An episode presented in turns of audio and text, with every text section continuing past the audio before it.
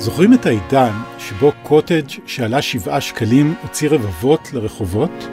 זוכרים את הימים שבהם שרים נלחמו בחברות הסלולר כדי שיפסיקו לגבות מחירים מופקעים? זוכרים שאתם הייתם משווים מחירים? כועסים על תאגידי הענק? וזה לא רק בארץ, אלא גם בעולם. כולם דיברו על ריכוזיות. אבל האם יכול להיות שהעידן הזה פשוט נגמר? שביום שאחרי הקורונה נתעורר ונגלה שנשארנו עם שתי חברות סלולר, חברת תעופה אחת ושתי רשתות מזון? האם אחת מתופעות הלוואי של נגיף הקורונה תהיה השתלטות של מונופולים וחברות גדולות על עוד ועוד חלקים מהכלכלה? היי, אני אורי פסובסקי ואתם מאזינים לצוללת מבית גלובס. אנחנו ננסה לדבר כאן בחודשים הקרובים על הכלכלה, על החברה, על עצמנו ביום שאחרי הקורונה. והיום ננסה להבין מה הקורונה תעשה למונופולים הגדולים ולתחרות בעזרת דוקטור אלון אייזנברג. שמי דוקטור אלון אייזנברג, אני מרצה בכיר באוניברסיטה העברית במחלקה לכלכלה. אייזנברג מתמחה בניתוח שווקים ותחרות, ביקוש צרכנים, מונופולים, דברים כאלה. מה הוא חושב שהקורונה תעשה לכלכלה?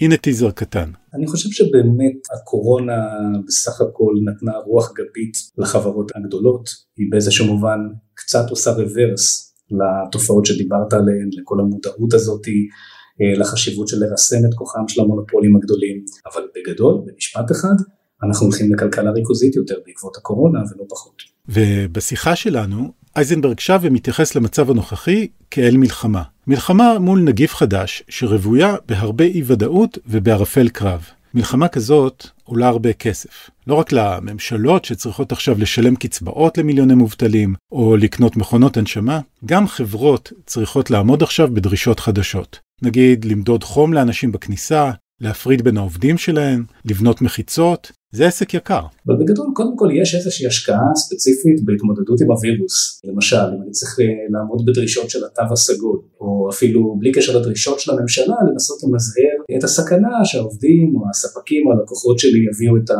את הקורונה לעסק ובעצם ישבשו לי את הפעילות. אז אה, יש הרבה מאוד השקעות שאני יכול לעשות כדי למזהר את הסכנה הזאת. החל מלמנות כוח אדם יהודי בארגון, ש, שזה מה שהוא יעשה, יתעסק עם אה, בעצם טיפול בדבר הזה. אחרי קורונה. בדיוק, אחרי קורונה, כוח אדם שיעסוק בשילוט, בסימון אה, של החנות, אה, אולי מערכות מידע שיתעדו מי היה בעסק שלנו, מתי, כדי שאם חלילה הייתה חשיפה לנגיף, אז נדע לבודד את זה כמה שיותר ולא בעצם להכניס את כל העובדים לבידוד. פתאום אני צריך לעבוד עם אה, משלוחים במקום עם אה, מכירות בחנות הפיזית, אז צריך להקים מערך משלוחים, זאת איזושהי השקעה. אני יכול גם להחזיר פנימה לתוך הארגון אה, איזה שהן פעולות שאולי בעבר לא חשבתי שאני צריך לעשות בעצמי, למשל לארגן הסעות לעובדים, או לסבסד עבורם איזושהי קפיטריה, כדי שהם פחות יתחככו באוכלוסייה הכללית ואיכשהו נוכל לשמור אותם קצת יותר מבודדים. כל הדברים האלה דורשים השקעה. ולעסקים גדולים יש יותר משאבים להשקיע. זה עניין של חשבון פשוט, אומר אייזנברג. אם לוקחים את כל ההשקעה הזאת במיניבוסים ובקפיטריה ובאחראי קורונה ופורסים אותה על נפח פעילות גדול, אז העלות שלה נמוכה יחסית. אבל לעסק קטן, שמראש רווחי פחות, זה הרבה יותר מכביד.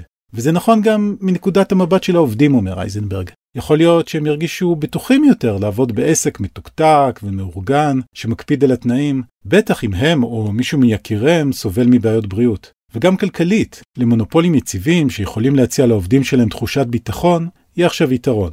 אבל זה לא רק העובדים, זה גם הרשויות, שצריכות לאשר לעסקים אם לפתוח מחדש או לא. וכבר ראינו הרבה אנשים מתעצבנים על זה שנתנו לעסק גדול כמו איקאה לפתוח בשלב מוקדם יחסית. אבל יכול להיות שמבחינת משרד הבריאות למשל, יש היגיון בלתת לכל מיני איקאות כאלה לעבוד ראשונים. כן, למרבה הצער זה באמת מהדברים שמעוררים אצלנו תחושת חוסר צדק, אבל uh, כנראה שיש מאחוריהם uh, לפעמים גם איזשהו היגיון. מכיוון שמשרד הבריאות או הרשויות מבינות שלעסק הגדול יש יותר משאבים ואפשר לדרוש ממנו יותר ואפשר לקבל ממנו יותר אולי בכל המישורים האלה, אז סביר שגם האישורים וההקלות ניתנות בכל מיני תחומים לעסקים הגדולים לפני הקטנים, זה מרגיש מאוד מאוד לא הוגן, כי זה מרגיש שאלה שצריכים את העזרה הכי הרבה יקבלו אותם אה, אחרונים, ואני חושב שגם זה שיקול, בוודאי שזה דבר שצריך להביא אותו בחשבון, אבל זה לא לגמרי רק עניין של הגדולים מקבלים כי הם מקושרים או משהו כזה, יש מאחורי זה גם איזושהי לוגיקה. לוגיקה, כלומר, הגיוני לעשות את זה. אה, הגיוני לעשות את זה, ומצד שני, אתה יודע, אנחנו תמיד צריכים גם אה, לבדוק אה, איך הדברים גם מתקבלים בציבור. גם מבחינת כל הרמה של האמון של הציבור ברשויות. אנחנו רואים קצת מה קורה כשהציבור מאבד את האמון שלו ברשויות. Mm-hmm. כשהוא מרגיש שאתה יודע שיש בלאגן, שדברים נעשים באיזה מין צורה כזאת של שליפות ולפי מי מכיר את מי, כן. אז אם, אם אנחנו כציבור מרגישים ככה, אנחנו גם פחות נציית להוראות, אנחנו גם אה, נרגיש קצת שבאמת שהמצב הוא איזשהו כאוס, וגם זה לא טוב, זה לא טוב לפעילות הכלכלית, זה לא טוב אה, עבורנו כחברה, ולכן חשוב מאוד, גם אם עושים דברים שהם אה, לא פופולריים, חשוב להסביר אותם, חשוב לנמק אותם, כדי שאנשים קצת יותר יבינו למה. כן. כמובן לנסות שהמדיניות תהיה כמה שיותר קוהרנטית.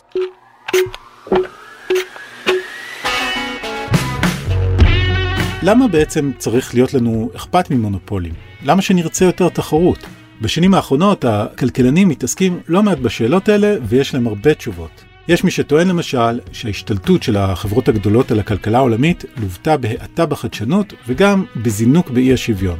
יש מי שמדבר על זה שלמונופולים יש יותר כוח מול העובדים. וכמובן, מונופולים יכולים לגבות מחירים יותר גבוהים. תחשבו כמה שילמתם פעם על הטלפון הנייד שלכם. תחרות זה דבר טוב לכיס שלנו כצרכנים. וזה הזמן לדבר על מי שאמור לייצג את הציבור מול המונופולים ולוודא שהכלכלה שלנו נשארת תחרותית. הרגולטורים. בשנים האחרונות הייתה איזו ציפייה בישראל ובכלל בעולם שרגולטורים כמו רשות התחרות אצלנו קצת יותר ינסו להגביל את הכוח של המונופולים. שיילחמו למען הציבור. אבל אולי במשבר התמונה משתנה. אולי מצב של מיתון עמוק, כמו שנקלענו אליו, מכניס שיקולים אחרים למי שאמור לפקח על התחרות. זה בהחלט עלול לעשות את זה, ואני חושב שזה אחת הסיבות שאני שמח שאנחנו מנהלים את השיחה הזאת, שאני חושב שחשוב להיות מודעים לכך שצפוי גל של לחצים מהסוג שאתה מדבר עליו. כן. ואנחנו באמת יכולים קצת לשים את זה בפרספקטיבה, אז אה, אנחנו היינו על גל מסוים, במיוחד מאז המחאה החברתית, mm-hmm. של הרבה יותר מודעות ציבורית, הרבה יותר ביקורת ציבורית, כאשר הם מרגישים שהחברות הגדולות אה, מצליחות לבצר את מעמדם, לחזק את מעמדם, יש היום הרבה יותר דריכות בציבור, הרבה יותר פעילות גם ברשתות החברתיות, לבוא ולהגיד חבר'ה, לא נראה לנו מתאים שאתם גם תעשו עכשיו עוד מיזוג ותקטינו עוד יותר את התחרות וכולי וכולי. כן. בתקופה של אה, מלחמה, נקרא לזה ככה, במיוחד אה, מלחמה מהסוג הזה שהביאה להרבה מאוד אה, מובטלים ואנשים בחל"ת, mm-hmm. השיקולים האלה בהחלט בהחלט עלולים גם קצת להישמט מנגד עיניו של הציבור הרחב וגם להיראות קטנים יחסית מול המוכר והידוע. ומה זה המוכר והידוע? זה החברות הגדולות. מה יותר יציב מהמונופול הגדול, היציב, שנותן תעסוקה להרבה מאוד אנשים. Mm-hmm. ומול זה תחרות יכולה להיתפס דווקא כמשהו שהוא מערער, שהוא יוצר חוסר יציבות, שזה אולי הדבר האחרון שאנשים מרגישים שהם אה, זקוקים לו כרגע. כן. אז בהחלט יכול להיות שכל מיני יוזמות שבשגרה היו נזרקות אה, מכל המדרגות על ידי רשות התחרות והגופים האחרים בממשלה, יכול להיות שעכשיו יקבלו רוח גבית הרבה יותר גדולה. מתוך הרצון הזה, אתה יודע, להעמיד את המשק על, הרגליים. למשל. למשל, אה, הקמעונאים ביקשו להתאגד ולעשות ביחד משא ומתן סוג של מול הממשלה על כמה אנשים לפטר. משא ומתן מול הקניונים על דמי השכירות. אה, בדרך כלל אסור לרשתות מתחרות להתאגד ביחד ולעשות דברים ביחד, אלא אם כן הם קיבלו לכך אישור אה, מפורש מהרשויות. אבל אם אני לא טועה, כבר אה, רשות התחרות עשתה להם כזה נו נו נו עם האצבע בשנייה שהם התחילו לדבר על זה, לא? נכון, כי רשות התחרות נמצאת שם והיא מזהה את הבעיה. אם אתם מתחילים לדבר על דמי השכירות מול הקניונים, ברגע שאתם יושבים בחדר ומדברים, למה שלא גם תתאמו מחירים ותעשו עוד כל מיני דברים אפילו בלי כוונה. כן. אז בגדול אנחנו לא רוצים שאתם בכלל ת, תדברו, ואם אתם רוצים לדבר אתם צריכים לבקש אישור. אבל הנה אנחנו רואים שרשות התחרות עשתה את הנונו הזה, אבל ממשיכות לעלות היוזמות האלה, וזה לא נראה בהכרח שראינו את אה, סוף העניין. Mm. אז זה יותר מההיבט של אה, האם עסקים יכולים, אה, עסקים מתחרים יכולים לתקשר יותר אחד עם השני, מה שבדרך כלל זה איזה דגל שחור, מתנוסס מעל זה, אסור לתאם, אסור לדבר, יכול להיות שנראה עכשיו איזושהי התרופפות בזה. אוקיי. Okay. דוגמה נוספת זה נושא של אה, מיזוגים, אז אה, הרבה פעמים כשחברות מבקשות לעשות אה, מיזוג, mm-hmm. לפחות לפעמים, אחת הטענות היא מתבססת על מה שנקרא דוקטרינת הפירמה הכושלת. נשמע כמו עלבון. אבל זה עלבון שאתה מפנה כלפי עצמך, אתה אומר אני כושל, אז תנו, mm-hmm. תנו לי בבקשה להתמזג עם פירמה אחרת, אחרת אני פשוט סוגר את הדלתות ושולח את כולם הביתה.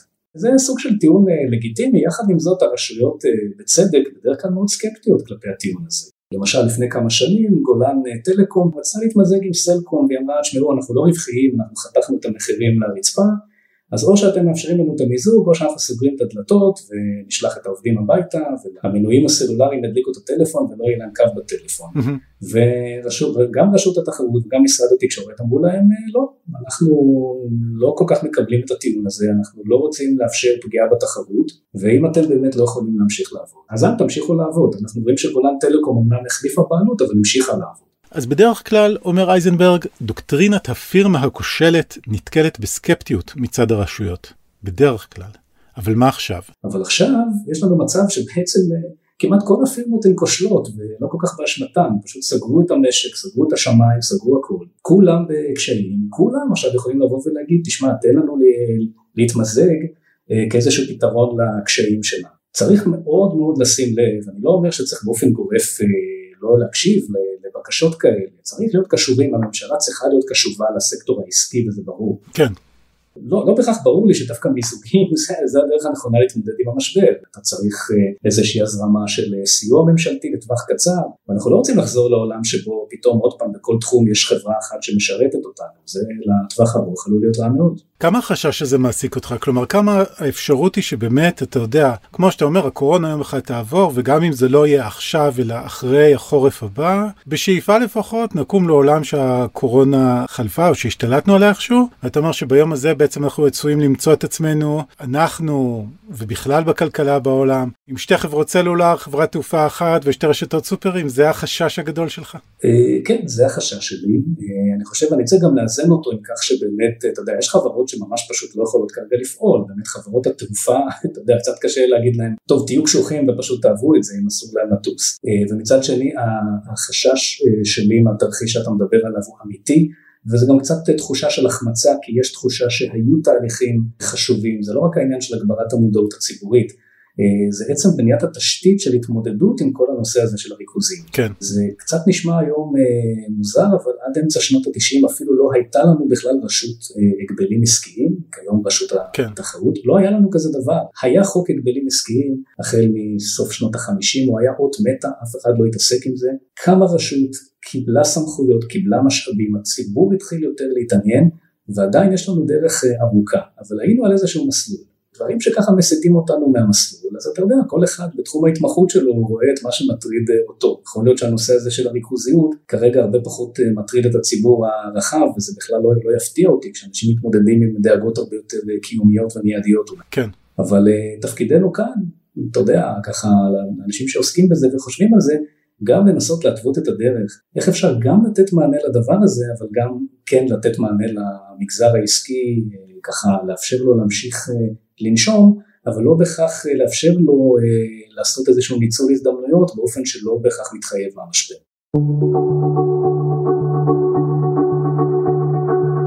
אז דיברנו על החברות שפתאום נופלות עליהן עוד הוצאות, ודיברנו על השיקולים של הרגולטורים שאמורים לפקח על כל העסק, וגם קצת על השיקולים של העובדים. אבל מה עם ההתנהגות שלנו כצרכנים של החברות האלה? פה היה איזשהו זעזוע גדול. אז גם אם הזכרנו את המחאה החברתית, אני חושב, יש לנו אפילו קצת עדויות מחקריות לזה שההתנהגות באמת השתנתה. אנשים התחילו להשוות מחירים, אנשים התחילו ככה קצת להעניש ברגליים את מי שקובע מחירים כן. גבוהים וכולי. וראינו את התגובה הציבורית למהלכים, רק לדיבורים על עליית אה, מחירים, זה לפעמים אפילו היה נראה קצת אה, עליהום, אה, שהוא לפעמים כבר היה קצת משוגע מדי, אבל מה יקרה לכל התודעה הזאת ככל שנזיז קדימה בזמן? האם עדיין יהיה לנו בכלל את, ה, את האנרגיה המנטלית הזאת לעסוק בזה, בכלל להתרגז על זה שגבו מאיתנו מחיר גבוה. מצד אחד, אה, אם אה, קשה לנו יותר במשבר, ההכנסות שלנו קטנות, אנחנו כן נצטרך כל הזמן להשוות מחירים ולחפש. אבל אולי משהו מהאנרגיה היותר טבעית הזאת שלנו, של לא לצאת פריירים ולכעוס על זה וכולי, יכול להיות שיהיה לנו פחות קשב לדבר הזה. כן, נהיה עסוקים בבעיות יותר uh, קיומיות.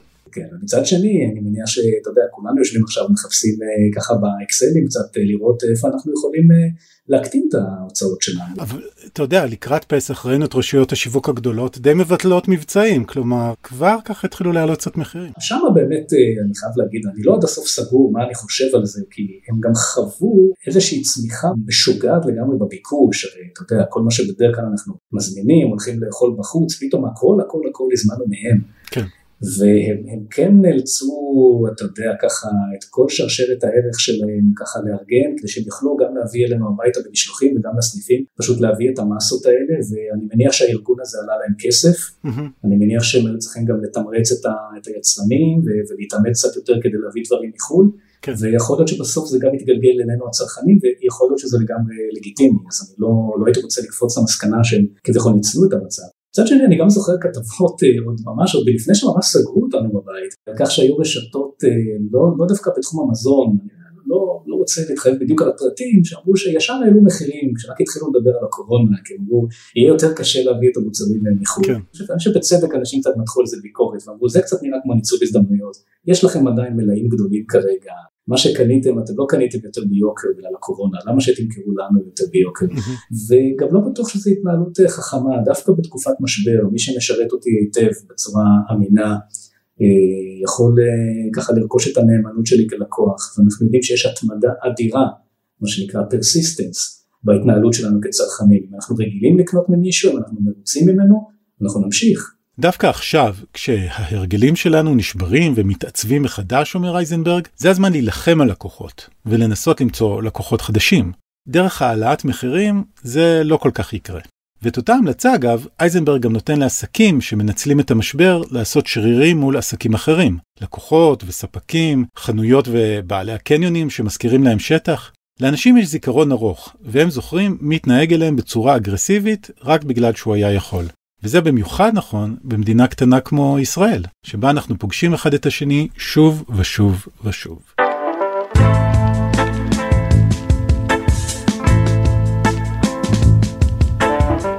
תן לי לשאול אותך, אתה יודע, אם כבר אנחנו בענייני קומבינות.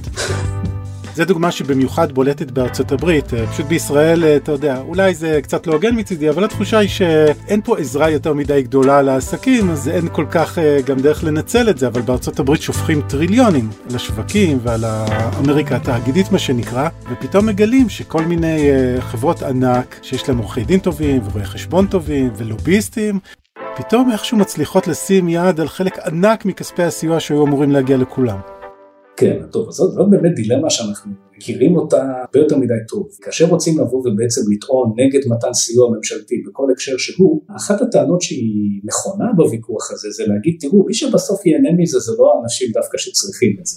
כן. אלא זה אנשים שמראש הם, יש להם את עורכי הדין ואת רואי החשבון והם אה, ידעו, אתה יודע, לעבור על כל הסעיפים והם אולי, מה שיותר אה, בעייתי, הם אולי מראש כתבו את הרגולציה ואת ההקלות האלה. כן. כי הם מראש נמצאים שם במסדרונות, אה, וזה טיעון אמיתי. אבל למרות כל זה, אייזנברג רוצה להזכיר שבכל זאת היינו רוצים לתת מרחב נשימה לעסקים ולעזור להם לשרוד את המשבר.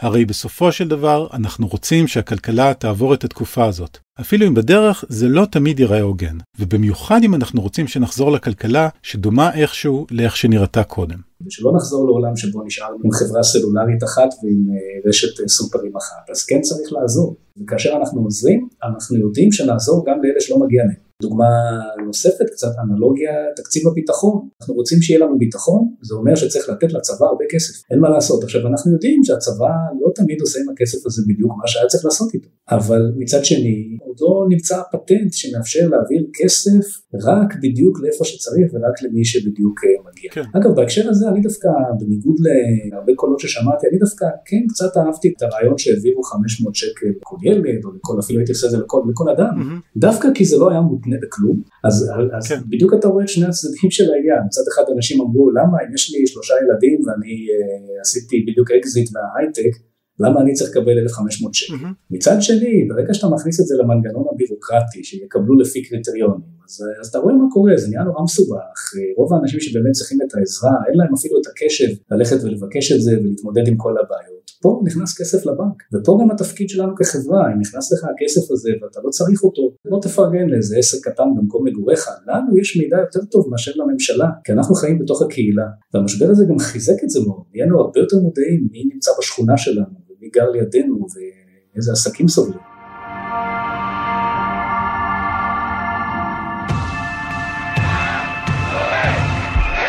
אם יש מקום אחד שבו אנחנו הישראלים ערים לכל הנושא הזה של הריכוזיות, זה תחום המזון. הרי אחד הגורמים שהביאו לפרוץ המחאה החברתית ב-2011 היה מחיר הקוטג'. אז מה המשבר יעשה לתחום המזון? האם למשל רשתות השיווק הגדולות יתחזקו עוד יותר? זאת שאלה מאוד מאוד מעניינת ואני חושב ששם, אה, שגם שם הכיוון יהיה יותר אה, ריכוזי, אבל אני מבסס את זה על, על נקודה מאוד פשוטה. עוד לפני המשבר אה, ראינו גם את רמי לוי, גם את שופרסל מנסים לעבור למרכזים הלוגיסטיים, הרובוטים האלה, שבעצם הם עושים את כל הליקוט של המוצרים ואת כל החוויה של קניית מוצרי סופר באונליין, הרבה יותר יעילה והרבה יותר משתלמת. אה, זה קצת יותר הליכה בכיוון של אמזון ומה שאמזון עושה בארצות הברית. ואם המגמה הזאת תמשיך, וכרגע איך אפשר לחשוב שהיא, שהיא לא תמשיך, זה בהחלט לא משחק לטובתן של הרשתות הקטנות. כן. ולמה אנחנו חושבים שהמגמה הזאת תמשיך? כי גם ההרגלים שלנו השתנו, קיבלנו מין שוק כזה, כולנו ישבנו עכשיו בבית חודש וחצי, לא יצאנו. אז התרגלנו להזמין, התרגלנו להביא אה, את הדברים אונליין. גם במשק הבית שלנו אנחנו הלכנו לסופר עד, עד המשבר הזה, ועכשיו אנחנו עושים אונליין. אז אה, הרגלים שנוצרים, סביר שימשיכו, ואז מה שקורה, זה, וזה חלק גם מהמנגנון הגדול שהפך את אמזון לכל כך דומיננטי, זה השקעות אדירות שרק חברה גדולה יכולה לעשות במערך לוגיסטי שמנחש מה אתה תרצה לקנות עוד, עוד לפני שאתה הבנת שאתה רוצה לקנות את זה. כן. וזה יגיע בסוף למה שזה יגיע בארצות הברית. החברים שלי בארצות הברית שלמדו איתי והם שם, אם הם פתאום רואים שהם שכחו חבילה של חיתולים, הם מזמינים את זה מאמזון, את החבילה האחת הזאת, וזה מגיע תוך כמה שעות בעלות אה, מגוחכת. סביר שאנחנו נתקדם לכיוון הזה גם כאן. ומי שיכול לעשות השקעות כאלה ולבנות את המרכזים האלה ואת המערך הלוגיסטי, אלה לא המקולות הקטנות שאומנם אה, חוו עכשיו איזשהו רנסאנס בתקופה הזאת, כולנו הלכנו אליהם כי הם היו פה ממש בשכונה, אבל בטווח הארוך יותר, כנראה שגם שם הכיוון הוא שהרשתות הגדולות הן אלה שירוויחו. או אמזון בעצמה. או אמזון בעצמה. שכבר התחילה להיכנס לישראל. נכון, כן, זה, זה תהליך בהחלט אה, ככה כולם יושבים ומחכים לראות מה זה יעשה. אז כן, זה יכול לבוא מהכיוון של אמזון, זה יכול מכיוון של חברות אה, מקומיות, אבל אה, סביר להניח שלשם אנחנו הולכים.